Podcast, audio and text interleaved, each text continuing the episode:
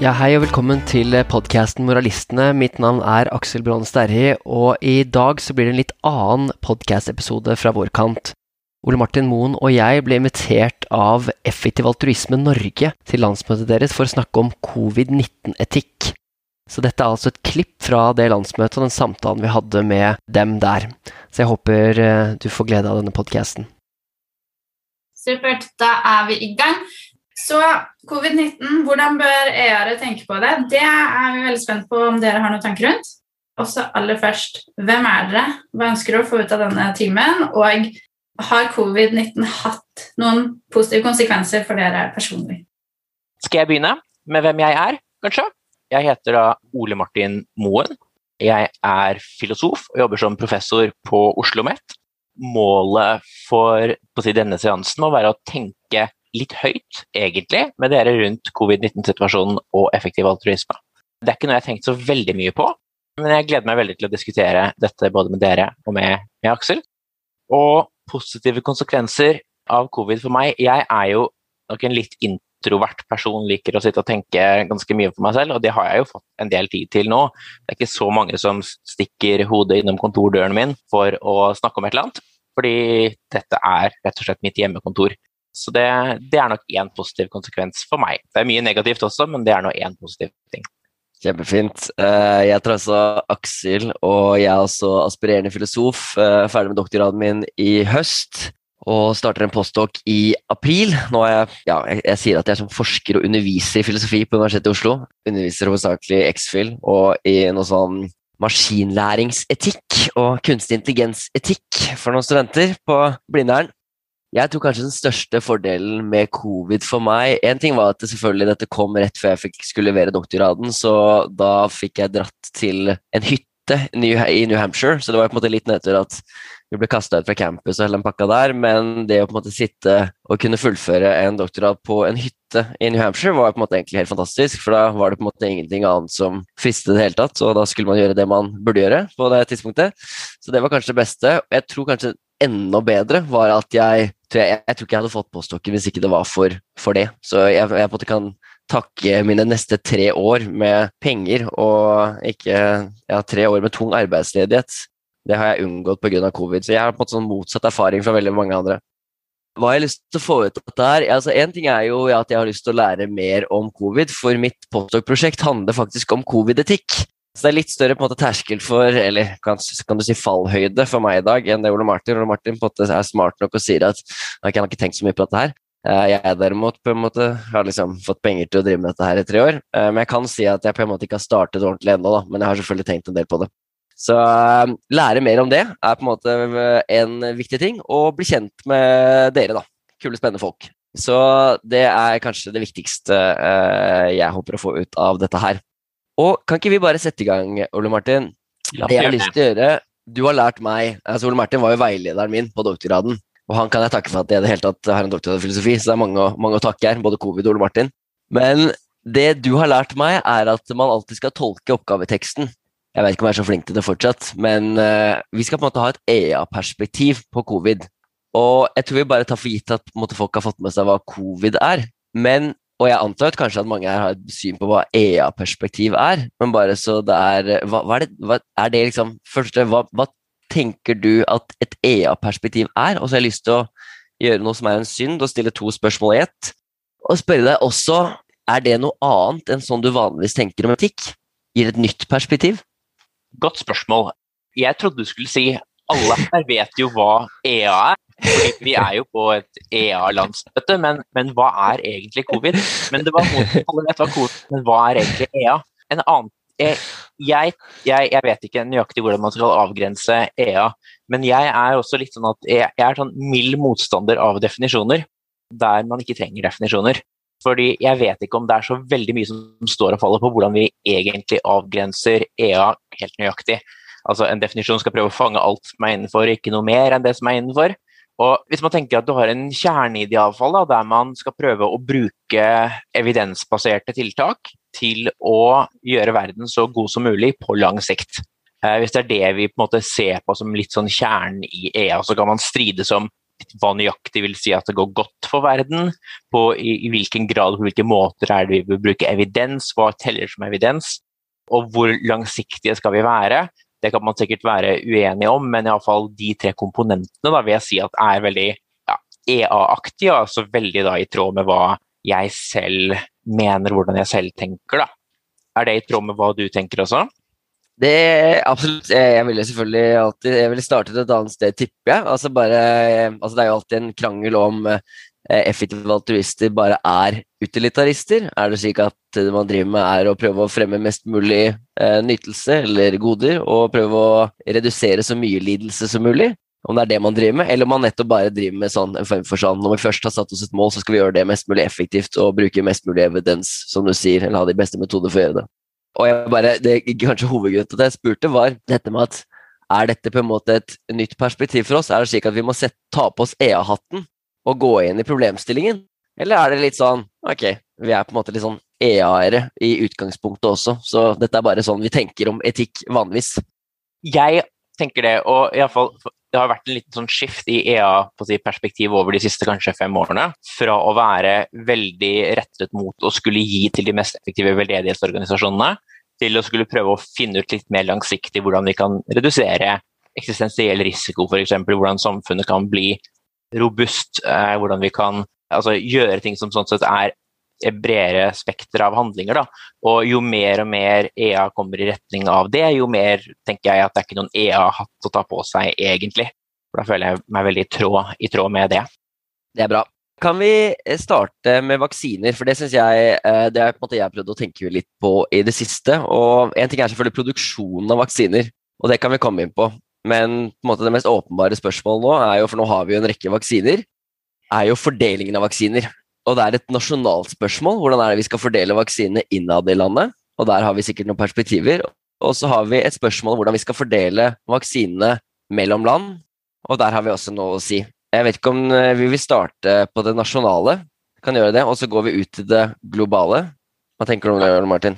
Det kan vi godt. Skal jeg begynne med å si litt om det, eller hadde du en tanke du ville ha? Nei, nei, kjør, kjør på. Kjør på. Ja, altså, det er spørsmålet om hvordan skal vi fordele, fordele disse vaksinene.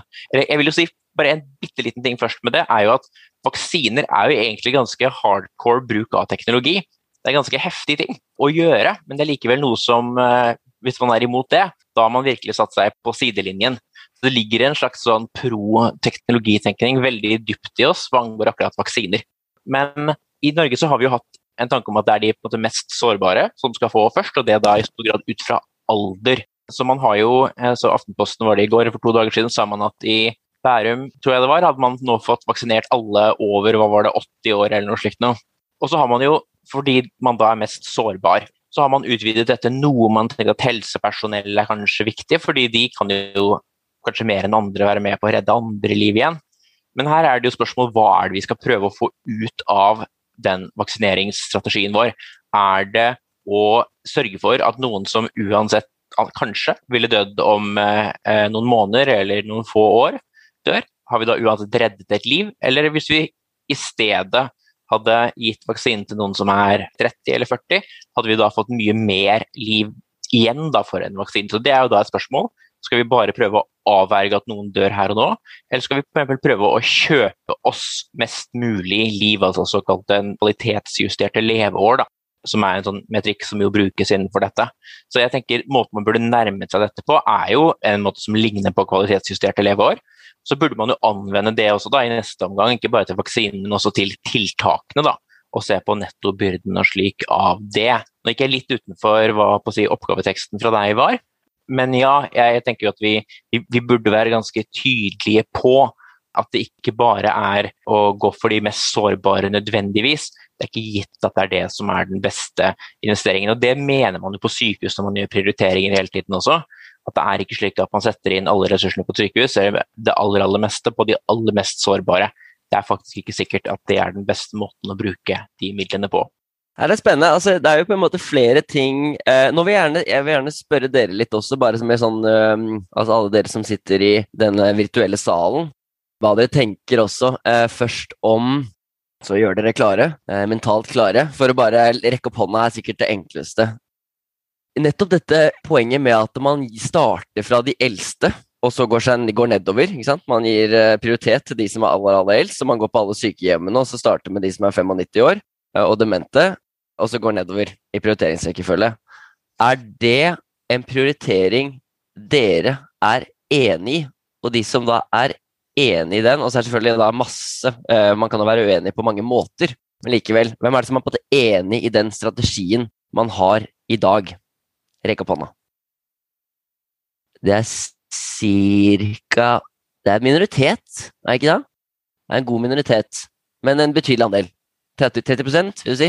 Ja, jeg syns det, det er ja, ganske mange. Og så ser jeg også bare altså Selv om det nå er fullt av skjermer her, så ser jo ikke alle. Man kan jo gå bortover også. Men det, det er ganske mange, er ganske mange som, som, synes at dagens måte å fordele på, i hvert fall internt i Norge, da, er, er ganske rimelig. Kan jeg bare, Det er bare for å rydde litt i mitt eget hode egentlig i første rekke. Og det som gjør dette litt vanskelig, det som gjør virkeligheten vanskelig for oss filosofer Man kan vurdere sånne eh, veldig sånn enkle tilfeller for å på en måte selv få på en måte orden i sitt eget hode om hva som på en måte, Si at det var lik risiko, da, på en måte for å skille de ulike faktorene. Si at det var, det var samme risiko for at alle døde av covid, og at det var like stor risiko for at du ble smittet.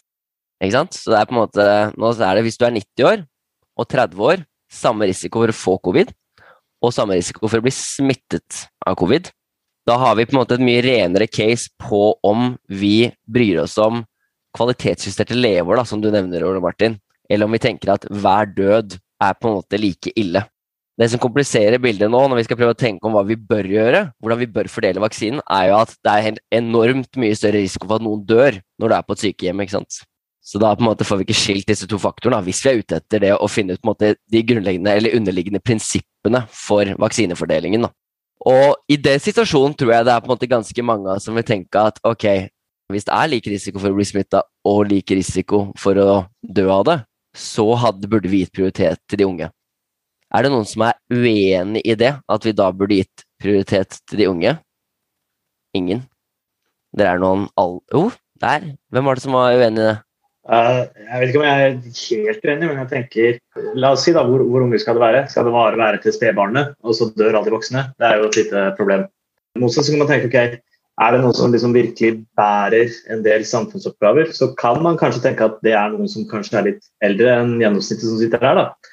Kanskje er det noen som er rundt 40-50, som i hvert fall for å få ting i gang, bør prioriteres. Men det er bare, bare en tanke. Veldig bra, og det syns jeg er en fin bro. ikke sant? For det er sånn at det er, Så du er på en måte enig Mikael, i at uh, man bør ta hensyn til at folk på en måte lever lengre? At, uh, og det på en måte er en, så Hvis det er noen som hadde dødd i morgen, så hadde det vært meningsløst kanskje å gi dem vaksine i dag. Så vi på en måte bryr oss iallfall i en viss forstand om at uh, folk kan bli frarøvet flere år men du tar opp en annen viktig ting, som er det at skal man bare bry seg om det, eller skal man også bry seg om en ting som Ole Martin var inne på også, som er dette her, f.eks. de som er frontlinje i helsevesenet. De som er sykepleiere, leger, eh, eller hva det skal være. Du er inne på dette med at det er en form for sånn Vi kan bry oss om folk i seg selv, og så kan vi bry oss om om det er noen som er nyttige for å holde hjulene i gang, eller om noen som får til ting, som er, sånn får til ting i samfunnet. Og da er det jo mange som har vært enige i at ok, vi bør gi, nettopp gi til helsepersonell. Vi har vært litt treige på det i Norge, vi har ikke tenkt at det er det viktigste, men i mange andre land så prioriterer de de. Og det, slik jeg ser det, så kan det gjøres av to grunner. Det kan enten gjøres som man tenker at ok, det er dritviktig at de unngår å smitte, så det er hovedgrunnen. Eller så kan man gjøre det av en annen grunn òg, som jeg vet ikke om den er på en måte veldig EA-kompatibel, men at det, her er det noen som har tatt på seg en stor byrde og på en måte står i frontlinjen og på en måte gjør noe veldig veldig viktig da, for oss i en krisesituasjon. Og at de på en måte fortjener å få vaksine før andre, når de har tatt på seg den byrden. Hvor mange er det som er uenig i, i den måte, tankemåten? Altså uenig i at man burde liksom, gi til de som har på tatt på en ekstra byrde fordi de fortjener det. Ja, ok, ganske mange er uenig i det. Ok, Ole Martin, du som, du som er med podcast-host her, hva sier du til dette her? Ja, altså, Det kommer litt an på ordet 'fortjener', da. Hva vi eventuelt mener med det. Om det er fordi de fortjener det, det, det, vet jeg ikke akkurat. Men det er kanskje for å insentivere eh, helsepersonell til å igjen bli helsepersonell. Mange sykepleiere jobber ikke som sykepleiere. Nå trenger vi sykepleiere. Så det å kunne prioriteres frem av de grunnene som ikke nødvendigvis har så mye med fortjeneste direkte å gjøre, altså at de fortjener det.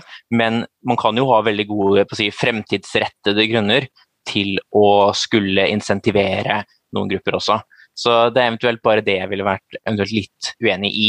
Men jeg tenker det er viktig når vi skal diskutere denne saken her, da, å gå med på denne grunnleggende likheten mellom oss mennesker. Vi er alle like viktige. Vi er alle vår egen altså den, den gleden eller, eller, lidelsen jeg måtte oppleve, er like viktig som alle andres. Ett år av mitt liv er like viktig som alle andres, men vi er da i en situasjon der vi kan redde flere liv og flere gode leveår hos noen enn hos andre. Og hos noen så er det også slik at de instrumentelt sett står i en relasjon til andre der de kan hjelpe dem med igjen å kunne overleve. Så det å på en måte, når man skal diskutere dette, så er det, er det jo lett for filosofer å tenke at endelig er det et tankeeksperiment som becomes real. Dette er, dette, er, dette er, fint. Men det er jo også et spørsmål om all kompleksiteten i saken, ikke minst også hvordan ens eget standpunkt, ens egen bevegelse eventuelt ser ut utad. For det er jo veldig lett å kunne havne på den siden at man er for disse veldig tøffe prioriteringene og er litt hard og tør å si det. Men eh, jeg tror det er veldig viktig å være veldig tydelig da, på å forankre det man selv mener også, i om man måtte være en utilitarist eller ikke, så, så bredt som mulig å forankre det i, i, verdier og i prinsipper som allerede er, er veletablert og, og godt kjent, og som har stor oppslutning. Hvis man nettopp sier at ok, så en ting, ting, er spørsmålet om man fortjener å på en måte få en vaksine fordi man har stått i frontlinjen og tatt på seg en ekstra byrde. Det er på en måte et spørsmål. Der er det en del som er uenig. Og du vil selvfølgelig være uenig hvis det er en sånn dyp fortjeneste, for det er ingen som fortjener noe grunnleggende sett.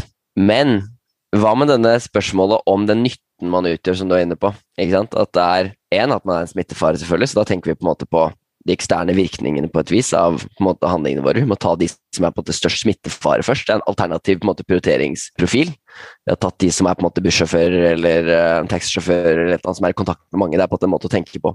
Men en annen måte å tenke på er jo at ok, vi må nettopp redde de. Si at dette har vært en mer dødelig pandemi, da. så må vi på en måte redde de som er utrolig viktige for å holde kapasiteten i helsevesenet. Så det er på en måte en annen en, måte sånn, altså en indirekte konsekvens på en måte som vi må tenke på i prioriteringene våre. Hvis det er greit å da på en måte gi prioritet til helsepersonell fordi de holder liksom tingene i gang, er det da også greit å tenke For det er jo mange andre goder enn å holde helsevesenet i gang. Det er jo også viktig å sørge for at eh, økonomien holdes i gang. Er det da også er det noen som er tilhengere av en prioriteringsprofil som hadde gitt prioritet til de som er spesielt viktige for samfunnet på andre områder? Typ folk som da på en måte kanskje har viktige jobber, i, altså myndighetsjobber, eller kanskje tjener ganske mye penger, for de som tjener mye penger, de på en måte bidrar med økte skatteinntekter. Eventuelt kanskje er det et mål på hvor, viktig den jobben er da, for samfunnet. For ellers hadde de ikke tjent så mye.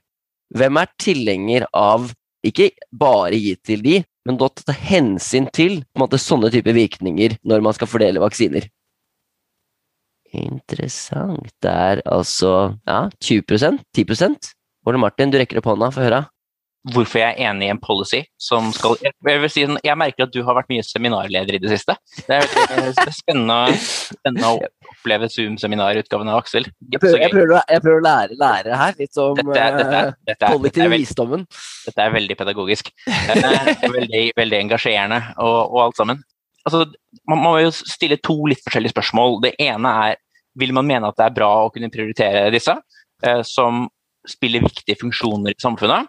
Og da kommer vi jo, som du kanskje er på vei til også, i en sånn helt, eh, på si, kommer vi helt rundt og ser at oi, faktisk alle er egentlig veldig viktige likevel. Men det er klart, man må jo spørre seg også med en policy-implikasjon. Skal man si at altså Skal man implementere dette, hva er ulempen ved det? Da kan det jo være en stor kamp om hvem er det egentlig som er viktige her. Og for det er ikke sikkert at alt bare blir fulgt etter planen. Det blir jo da en slags maktkamp om dette også. Og man kan jo se for seg at eh, mange av de som er kanskje aller mest kapable i samfunnet, noen ganger klarer å få seg tak i vaksiner på andre vis og klarer å bli prioritert opp på andre måter uansett. Så det er fryktelig mye si, kompleksitet da, som ligger mellom hva er på en måte kriteriet for det som vil kunne være en riktig handling her, og hva er det som faktisk bør gjøres i denne veldig komplekse verden som vi er i. da. Så Jeg har ikke så mye mening om det ville vært et lurt policyforslag, men i utgangspunktet ja, spiller du en viktig rolle i samfunnet som helhet. Så er det viktig, og det gjør vi i Norge også, toppolitikere og slike ting. Blir jo, altså Regjeringen blir jo prioritert i forskjellige spørsmål, sikkerhetsspørsmål også, i spørsmål knyttet til en pandemi, f.eks. Men ikke, for det ser jo til USA, så gir man jo disse her eh, lederne vaksine med en gang. Eh, og der kan jo kanskje det også ha en instrumentell eh, begrunnelse, at det er utrolig viktig å overbevise folk om at vaksinene er på en måte trygge, og derfor bør du gi vaksine til gamle presidenter og presidentkandidater. For da er det sånn, De er på en måte testkaniner for folk. Men det er jo noe vi har på en måte gått vekk fra. da Vi gir ikke vaksiner til lederne våre i denne situasjonen her. Men ellers enig i det. Det blir bare et, dette er mulig at vi nå derailer og blir stående på dette spørsmålet her, men dette er jo kanskje det mest grunnleggende spørsmålet. Jeg bare fulgte litt med på chatten, og der kom det opp et spørsmål om man skal på en måte si at du tar denne kvalitetsjusterte leveårstankegangen da, på en måte til sin logiske konsekvens, eh, og nettopp bryr seg om ok, vi skal redde på en måte mange liv, så kan det se ut som man skal på en måte gi prioritet til spedbarn over en 50-åring. Er det en konsekvens av dette her bør man gi prioritet til spedbarn. Hva tenker du om det, Ole Martin? Jeg tror jeg ikke egentlig vil gå inn i den diskusjonen nå. Dette har Jeff McMahon og mange andre filosofer skrevet side opp side ned om innenfor feltet populasjonsetikk og når det er viktigst å redde liv og sånn. Jeg har egentlig litt lyst til å gå over til andre deler av covid-situasjonen som ikke har direkte med vaksiner og vaksinefordeling å gjøre, hvis det er greit. Men kan vi, ta, kan vi, bare kjapt touche Jeg er enig i det, Ole Martin. Men kan vi kjapt på en måte ta det globale perspektivet? Altså Bare sjekke sjekk om vi eh, Det kan jo hende alle er helt enige, og da kan vi på en måte hoppe over det. Men eh, For her er det jo på en måte Jeg har skrevet en eh, kronikk sammen med en kompis i Aftenposten. Og jeg påpekte dette med, som er åpenbart for alle dere, tenker jeg, men at det er en form for sånn absurditet i vaksinefordelingen. Når vi ser på en måte sammenhengen mellom den nasjonale vaksinefordelingen og den globale vaksinefordelingen. På, for nasjonalt så nettopp prioriterer vi de mest sårbare, og så kan vi ha disse vurderingene og på en måte hva er det smarteste å gi til de absolutt eldste, eller burde vi starte på de nest eldste og alle de greiene der. Så det er på en måte et spørsmål, men likevel så er vi ganske rørende enige vil jeg si, om hvordan vi skal fordele vaksinene, og det bør ikke gå etter hvem som betaler mest, f.eks. Det bør gå etter de som på en måte er mest sårbare innad i landet. Globalt derimot så ser det ut at de rikeste landene skal, og de der de driver med, kunne på en måte kjøpe seg foran i køen. Og her har det vært to dette er litt sånn detaljgreier kanskje, men det har vært to konkurrerende en initiativ som har foregått samtidig. Så det har vært et multilateralt initiativ gjennom noe som heter COVAX, som er en sånn global vaksineallianse. Og så har det vært bilaterale avtaler, eller på en måte regionale avtaler, sånn som EU. Og de har på en måte konkurrert, så begge, både enkeltland, har på en måte inngått avtale med vaksiner for å sørge for at de blir produsert. Og så har man sagt ok, jeg lover å kjøpe, hvis dere får til å, å produsere vaksine, så lover vi å kjøpe så og så mange. Og det samme har Covax gjort. Og dette her har jo gjort at vi har fått mange flere vaksiner enn vi ellers hadde fått tak i. Men det ser ut til, og jeg vet ikke egentlig om hva som er blitt gjort, akkurat der, men det ser ut til at de bilaterale avtalene har på en måte fått prioritet over de multilaterale avtalene som nettopp Covax hadde. Vi skal kjøpe sammen, og skal vi fordele etter sånn som vi gjør innad i land. Fordele til sårbarhet og til helsepersonell. Det er det vi skal fordele på global skala. Mens nå er det nettopp de rike som har måttet hoppet foran i køen. Er det noen i det hele tatt som forsvarer Dette er jo da rådende policy. Er det noen som er enig i at det er legitimt for på en måte nasjonale myndigheter i, enkel, altså rike land å på en måte gi prioritet til sine egne? Håkon uh, driver og vipper fram og tilbake. Vil du, vil du, si noe til det, Håkon? Ja, jeg kan godt si det. Jeg, jeg tenker bare på hva som er det realistiske scenarioet med investeringer. Da. Jeg ser for meg at hvis du realistisk sett skulle få mer penger investert, så må du gi prioritet til de som er villige til å betale mest. Da får du totalt sett muligens flest vaksinerte alle. Eh, jeg tror bare ikke mange nok i landet er villige til å til å gi bort vaksiner. da. Det hadde vært best selvfølgelig om vi alle kunne være enige om at det var flott, og nå bare peiser vi penger inn, men jeg tror ikke det er et realistisk politisk utfall. da. Dette er litt sånn second best, på en måte, er å gi prioritet til en, måte, nasjon, de rike nasjonene. Men det er ikke optimalt. Men gitt på en måte begrenset altruisme, så er det det vi, der vi ender. Ja, det er litt sånn som at uh, i mange andre helsekontekster også, så er det jo veldig rike mennesker som bruker masse penger på f.eks. kreftforskning eller uh, ja, egentlig all type helseutvikling, som er veldig, veldig veldig dyr. Og så, så trickler effektene ned til de som er mindre ressurssterke etter hvert. da. Mm. Men det hadde ikke skjedd hadde det ikke vært for at de rike menneskene hadde fått behandlingen til å begynne med. på en måte. Jeg er enig, og så er jeg litt uenig. Jeg tror det er det som er litt genialt, og dette tror jeg vil, er, kan være en potensielt lærdom. da. At det der Covax-alliansen, hvor det er 190 land eller sånt, som har blitt med, hvor man nettopp måtte var enige om at ok, nå går vi sammen for å finansiere. og så Åpenbart så var ikke alle helt enige i at det var den eneste måten å løse problemet på. Men var, hadde en, den hadde en form for sånn forsikringsidé i seg som var litt fin. fordi i starten av pandemien så var det på en måte ingen som visste akkurat hvilke vaksineprodusenter som var de som kom til å komme opp med vaksinen. Nå ser det ut at de rike landene hadde noe informasjon, for de har satset på en del av de effektive vaksinene.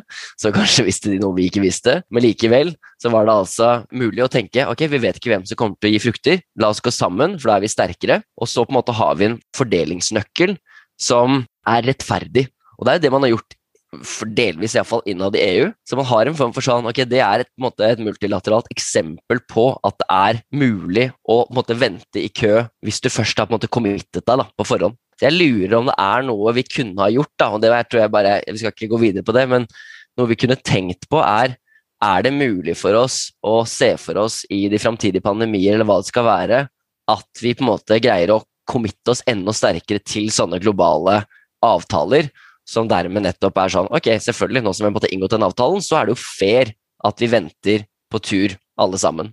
Men eh, ellers enig. Ole Martin, du ville ta det videre. Ja, veldig Jeg kan nesten lage en bro fra det du, du sier nå også, med, med institusjoner og med, med spørsmålet om en forsikringsordning og slikt. Fordi dette er noe som Aksel og jeg har jobbet litt med i det siste. Om nødsituasjoner og hvordan de egentlig skal forstås innenfor etikken. Og vi har jo tenkt litt på det, og dette blir veldig relevant med covid. At nettopp en nødsituasjon eller en unntakssituasjon, som jo nettopp egentlig er et godt ord som vi har på norsk, det er jo på en måte noe som skjer, som vi håndterer ikke med de vanlige mekanismene våre. Vi håndterer det ikke med å gå rundt i dagliglivet vårt slik vi gjør. Alle må gjøre noe annet enn det de pleier å gjøre for å hjelpe til med dette. Og Vi har en del normer i samfunnet som sikrer at vi i unntakstilfeller må trå til å gjøre noe, gjøre noe ekstra. Og Det kan enten gjelde lokalt ved at du må redde et barn som holder på å drukne f.eks. i et vann, eller det kan ha med å gjøre for hele samfunnet. At nå må vi alle ta i et tak for å komme gjennom dette. Men det ligger jo i det at noe er en unntakstilstand, at den ikke kan vare evig.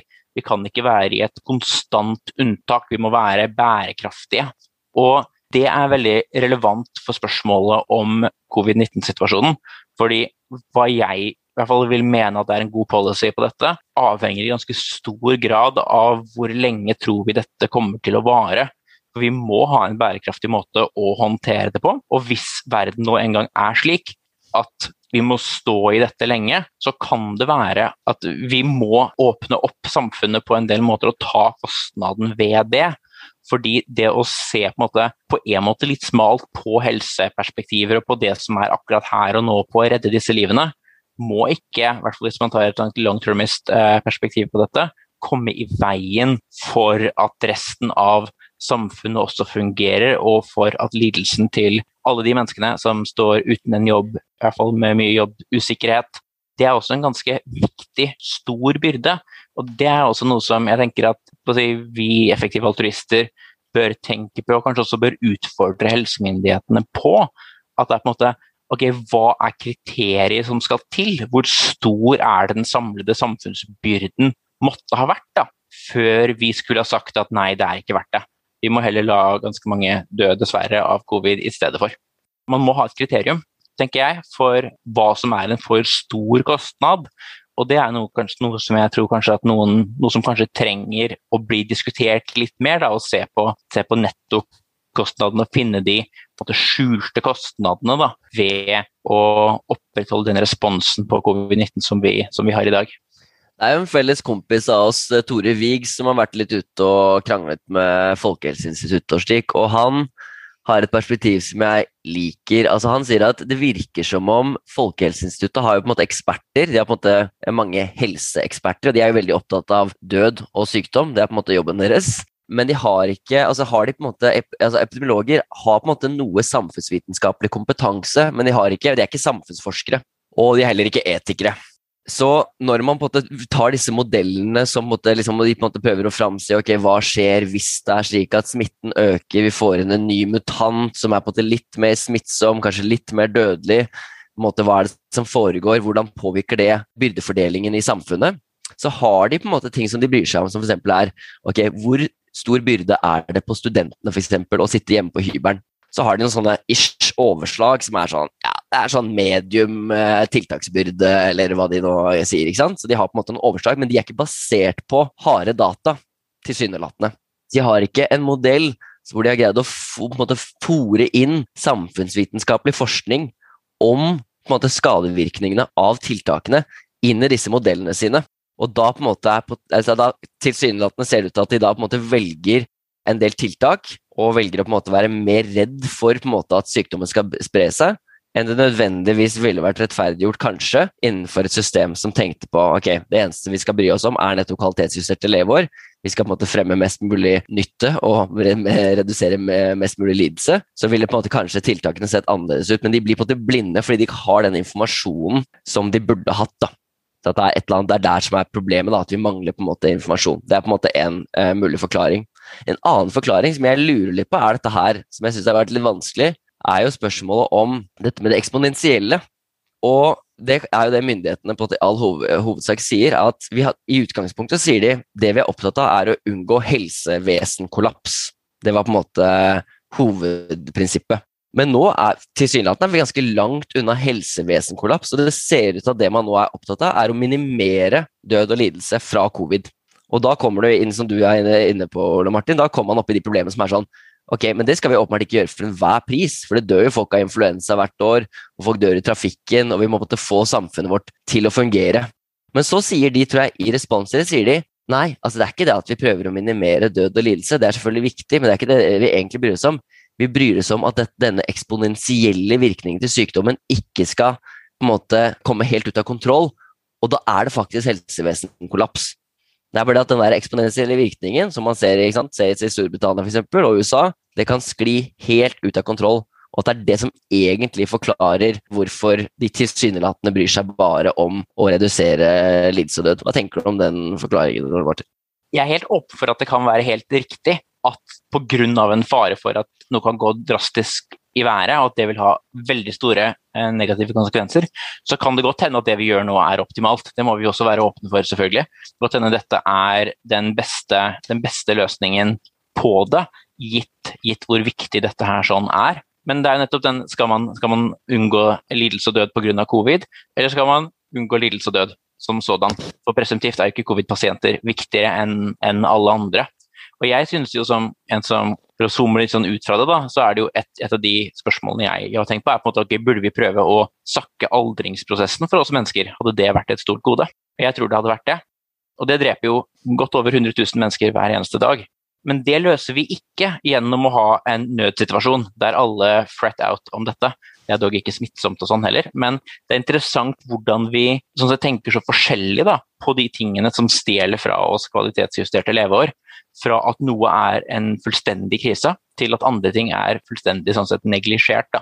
Og det å klare å bruke litt sånn den samme ultimate standarden across the board, liksom, det er viktig. Uavhengig av uh, hva empirien nå enn, en måtte vise. Jeg vil gjerne på en måte komme videre, komme, fortsette på den tråden der, men jeg vil bare bore litt ned i dette med at vi på en måte ikke kan tåle en unntakstilstand over lang tid hva er det egentlig som går inn i den vurderingen? For man kan jo bare si ok, dette her er på en måte måten vi bør leve på. Eh, ja, den på en måte påfører oss byrder, men det er på en måte så utrolig viktige måte, goder som kommer ut av det. da. Si at det nettopp det eneste alternativet var vi har ikke noen vaksine. Covid kommer bare til å spre seg, eller så må vi holde det nede på den måten vi gjør i dag. Så på en måte vil vi da, da kan vi se til land som Storbritannia vi kan se til land som USA og så på en måte liksom lære noe av eh, den sannsynlige på en måte lidelse og død-effekten det ville ha hatt. Men er poenget ditt da at i den situasjonen hvor det er sånn Ok, det fins ikke vaksiner. Vi kommer bare til å Enten må vi holde dette helt unna oss, prøve å drepe det, drepe viruset, ikke menneskene. Eller eh, så må vi bare eh, nettopp bare la det skure og gå. Er det sånn at Sånn å forstå at Hvis det hadde vært sånn, det er de eneste alternativene, så burde vi kanskje bare latt det skure og gå? Det kan hende at hvis det var alternativene, så burde vi kanskje latt det skure og gå, ja. Men... La, oss spørre, spørre folket.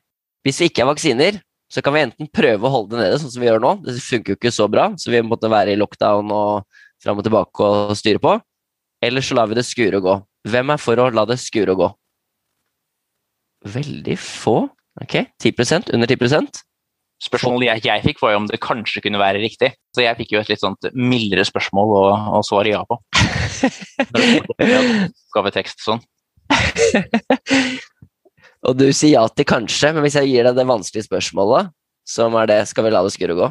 Ja, det, det, kommer veldig an på hva, hva skure og gå betyr her. da. Betyr det å gjøre ingenting? Betyr det å prøve å ha noen type measures som kanskje ikke er så invaderende?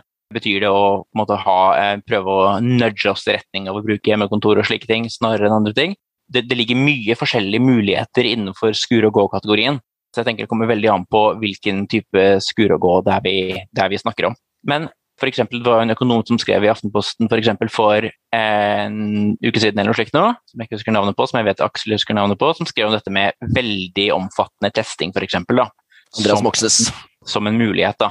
Og det å se til litt sånne, litt sånne smart ways rundt dette, altså hva, som vi kanskje ikke tenker på, da, fordi det å teste liksom 300 000 mennesker hver uke høres jo helt vanvittig ut.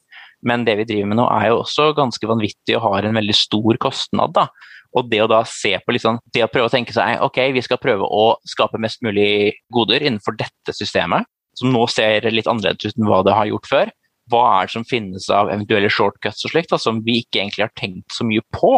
Hva Er det noen måter, enten teknologisk eller sosialt, eller er det noen måter å faktisk kunne håndtere dette på, som vil kunne ha en veldig kanskje ligger litt utenfor hva vi vanligvis tenker på, men som faktisk summa summarum ville vært veldig effektivt. Og Det tenker jeg det er en ting som effektive altruister med rette kan tenke en del på.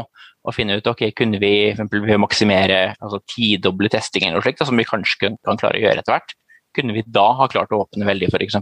Det er et sånn spennende for så vidt EA-perspektiv på det. Er ikke det en bra bro til å slippe inn eh, de kloke menneskene i salen her til å komme med perspektiver eller spørsmål, alt ettersom, på litt sånn en, Vi kan måtte ha en overordnet greie. Det kan selvfølgelig Folk kan stille eh, hvilke spørsmål de vil, men det har vært spennende om vi prøvde å snakke litt om på en måte lærdommer av dette her, hva vi kan ta med oss fra måte, et EA-perspektiv av pandemien, og på en måte om det er noen mulig, et mulighetsrom her men også på en måte bruke våre smarte hoder på litt sånn Ok, hva er kreative, alternative måter? For det ser nettopp ut at vi Jeg stilte jo på en måte bevisst et veldig sånn enten-eller-spørsmål, og det måte så mange muligheter i midten her på liksom kreative måter å håndtere en pandemi på, som vi ikke ser ut til å ha vært så flinke på. Og vi har ikke hatt en idédugnad, som eh, en PR-konsulent ville kalt det. Så kan ikke vi kjøre i gang nå? Jeg vet ikke hva den enkleste måten, om bare folk melder seg ved å måte, ta opp en sånn eh, virtuell hånd. Andreas Nordmann har vært aktiv i eh, chatten og vil nå stille et spørsmål eller komme med en kommentar. Um, I denne perioden så har vi uh, eh, utvikla policy mye fortere enn uh, noen annen periode. Uh, som gjør at mulighetene for å være med og forme den, og sørge for at den fungerer på en bra måte. At de utformer gode tiltak, har jo vært egentlig Eller vært litt sånn unikt vindu i, i, inn i hvordan utformer en dårlig policy. Og fra et sånn utenfra-perspektiv så virker det som vi har utforma veldig mye dårlig policy, veldig vilkårlig. Altså hvordan tiltak som kommer når, har kommet veldig bardust på. Når de har kommet, har kommet bardust på.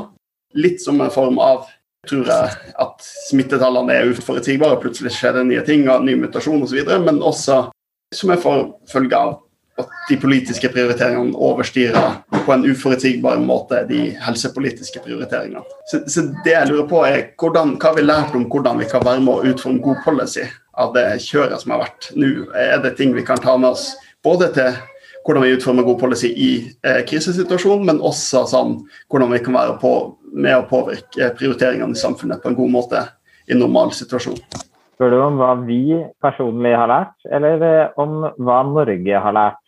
Eh, holdt på å si, Hvis Norge har lært noe, og vi vet at Norge har lært noe, så har vi vel også lært det personlig. Eh, eller jeg tenker egentlig litt sånn refleksjoner rundt dette som, som vi har gjort oss uh, her i salen eller i panelet. Er det noen i salen som vil svare, eller er det, er det vanskelig? De som allerede har hånden oppe, vil jo på en måte ikke kunne melde seg på akkurat det spørsmålet, men det er mulig å slenge seg på. Marius, vil du Jeg kan si litt om det. Og så tenkte jeg også at jeg kunne komme med et par betraktninger, siden jeg tross alt sitter eh, på orkesterplass i Folkehelseinstituttet og får med meg ganske mye av det som skjer der. Eh, når det kommer til lærdommer, så er det jo litt det at mye, av utfordringen med å respondere på dette her, er folk tror Folkehelseinstituttet har data på mye mer enn det vi har data på. Det er veldig, veldig store usikkerheter. Og mye av det eh, som har vært utfordringen i 2020 for instituttet før jeg begynte å jobbe der, var at, at det var ikke systemer på plass for å kunne samle data. Eh, og det er noe av grunnen til at eh, Singapore og Sør-Korea osv. Eh, hadde en bedre flying start, var at de hadde disse systemene på plass fordi at de lagde de etter SARS-bonanzaen for noen år siden. Så en av de tingene er at vi jobber nå med å planlegge for hva, hva slags kunnskapssystemer skal få plass eh, til neste pandemi. Og så kan jeg også nevne dette med tiltaksbyrder, at det har vært veldig neglisjert, og at det er kanskje den heteste poteten i, eh, blant de som skal utforme forskning framover. Så i hvert fall delvis svar på eh, spørsmålet. Jeg lurer også på om det er et eller annet i dette med Det er veldig bra eh, og fint å få et sånn infra, infrablikk. Eh, det blir jo mye spekulering om at det er Folkehelseinstituttets vurderinger som man ikke nødvendigvis eh, har innsikt i. Jeg tenker at det er, det, er, det er, veldig godt spørsmål du har, Andreas, og vanskelig å på en måte svare på. Det finnes jo noen ting som er sånn veldig sånn pandemirelaterte, og det jeg tror vi har på lært, er jo at i, i den grad vi på en måte har satt i gang ting på forhånd, så har det vært veldig gunstig. Så for eksempel, så var jo på en måte veldig, veldig mange av vaksinene på en måte klare allerede. Altså, ikke sant? Vi hadde mange på en måte vaksiner på trappene. Så i den grad vi greier å på en måte forutsi, tenke mer som dere i EA-bevegelsen har vært opptatt av, tenke på eksistensiell risiko, tenke på de på en måte mer eller mindre plausible, ikke sant? disse liksom, uh, ting som ikke vanligvis skjer, da. tenke på unntakstilstandene, og så på en måte forberede oss på det, så er det veldig, veldig sentralt.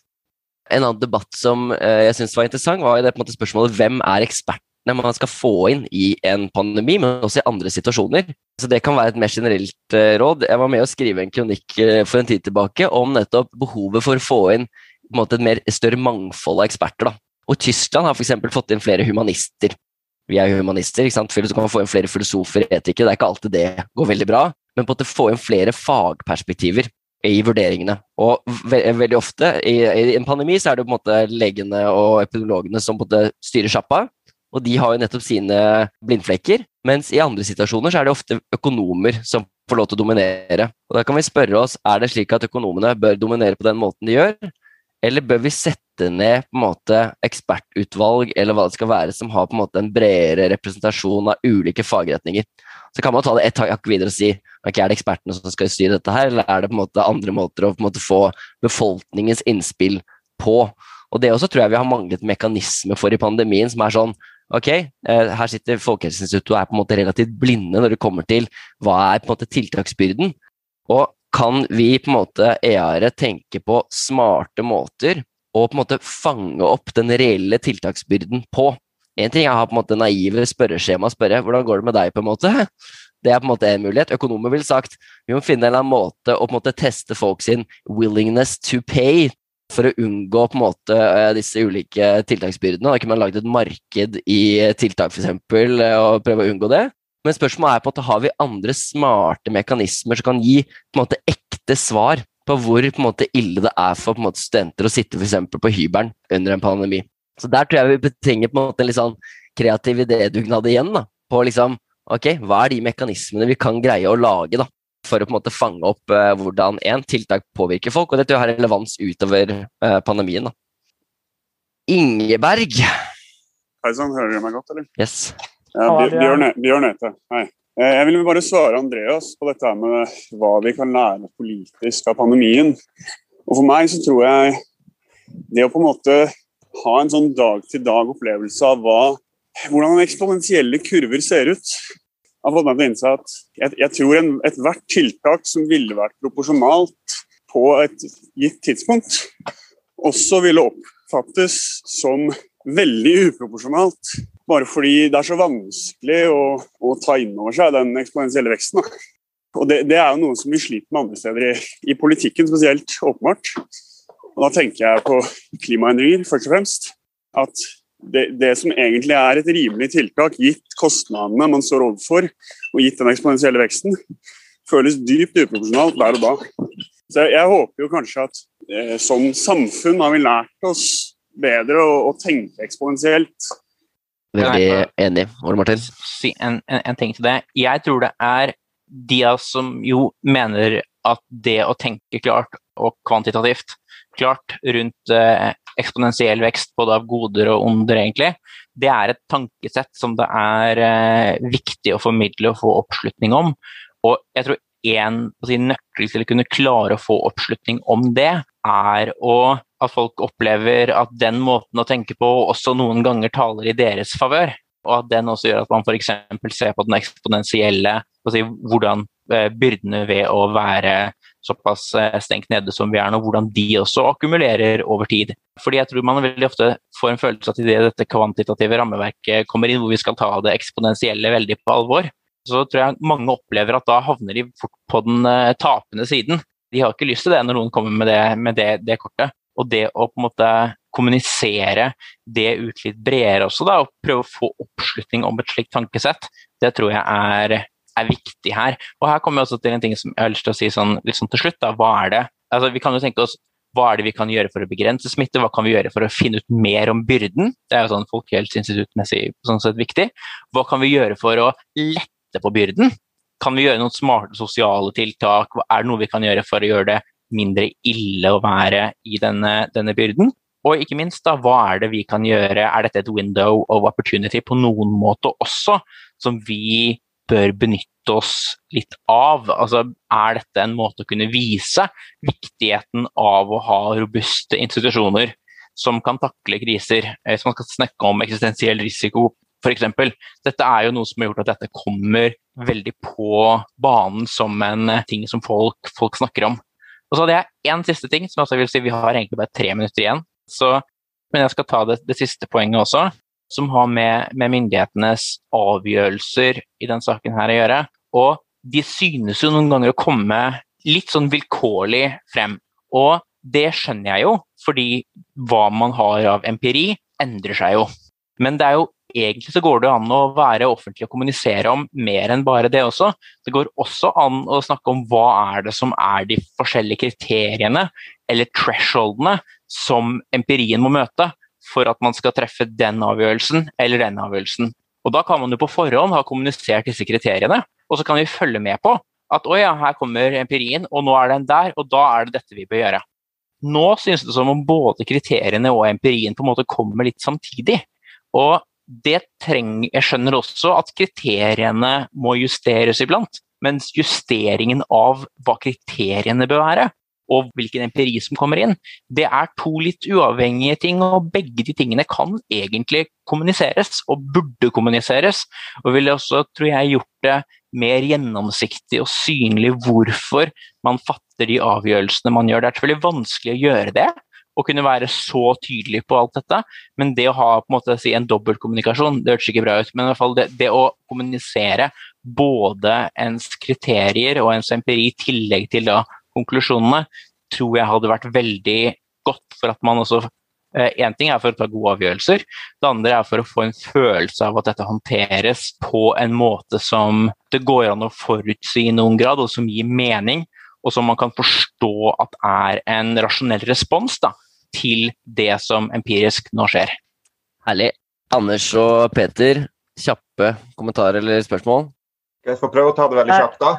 Jeg tenkte eh, en, en, av de, jeg skulle ønske en av de største lærdommene som kanskje liksom hele verden kunne ta fra denne pandemien, eh, det er at man kunne, vært, man, man kunne fått en endring i eh, forskningsetikken jeg tror en av de største feilene man har gjort, er at man ikke ville starte med de Human Challenge Trials tidlig.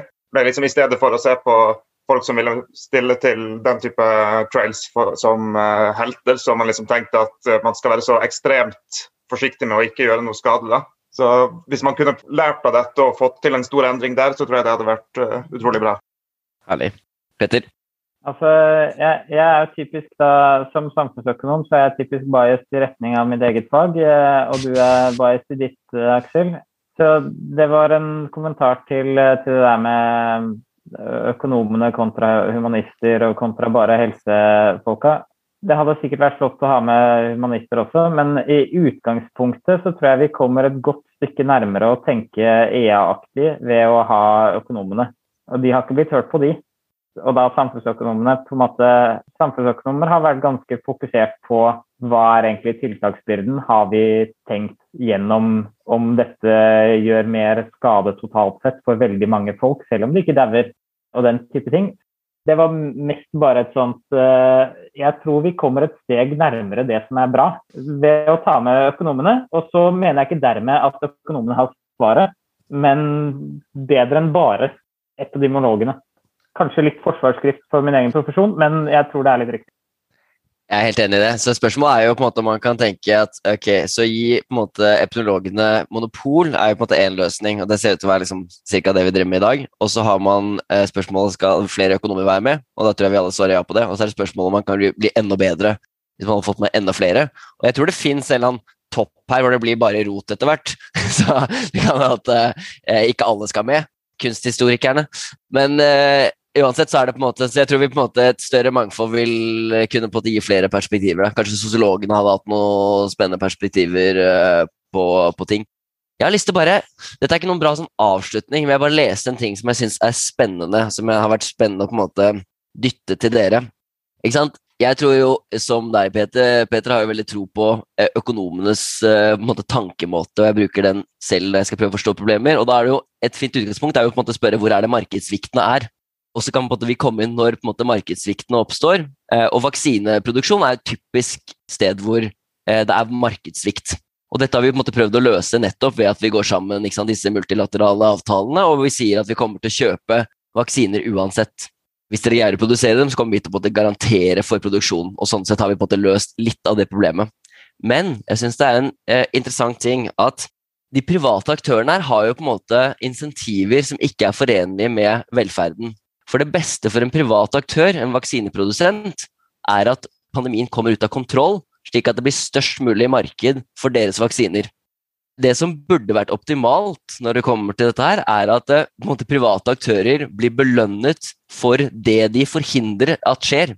Hvis du måte, hadde et system som greide å belønne vaksineprodusenter, og dette tror jeg gjelder utover vaksineprodusenter, for de skadene som ikke inntreffer, men som ville inntruffet, hvis ikke det var for deres uh, atferd, det er noe vi burde belønne. Det er selvfølgelig utrolig vanskelig, for det er jo det man prøver litt på når det kommer til sånn klimakvoter og sånn. Så er det sånn ok, du kan kjøpe klimakvoter eller på en måte bli belønnet for på en måte eh, forurensning som ikke oppstår. Og så er det spørsmålet hvordan kan vi finne ut hvilken, hvilke klimautslipp som ville oppstått hvis ikke det var for disse klimakvotene. Men kan vi tenke på måter, kan EAR-et tenke på måter vi kan nettopp finne ut, belønne private aktører for å forhindre elendige utfall som vi ikke får til ved hjelp av markedet i dag. Det hadde vært veldig spennende om vi hadde på en måte fått noen kule løsninger på det. Og det er noen som har foreslått noe greier på vaksinefronten, men der tror jeg vi trenger å tenke mer. da.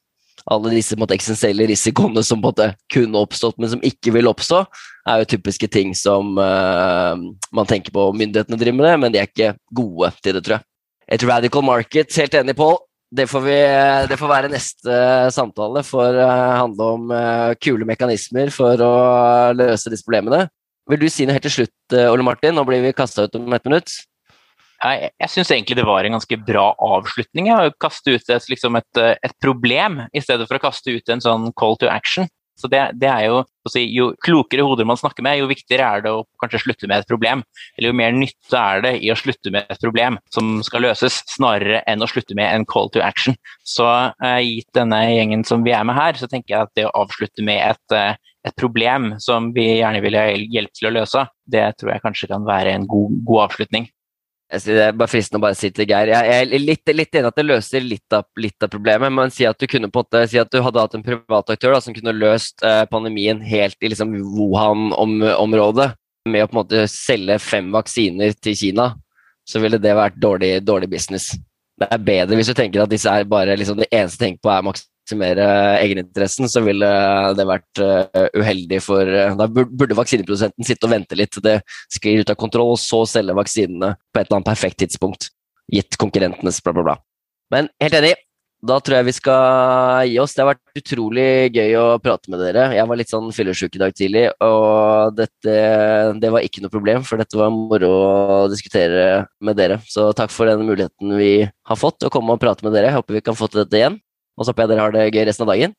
Da er det mye applaus å få. Tusen takk for at uh, dere tok dere tiden til å være her. Det har vært veldig spennende å høre på. Tusen takk!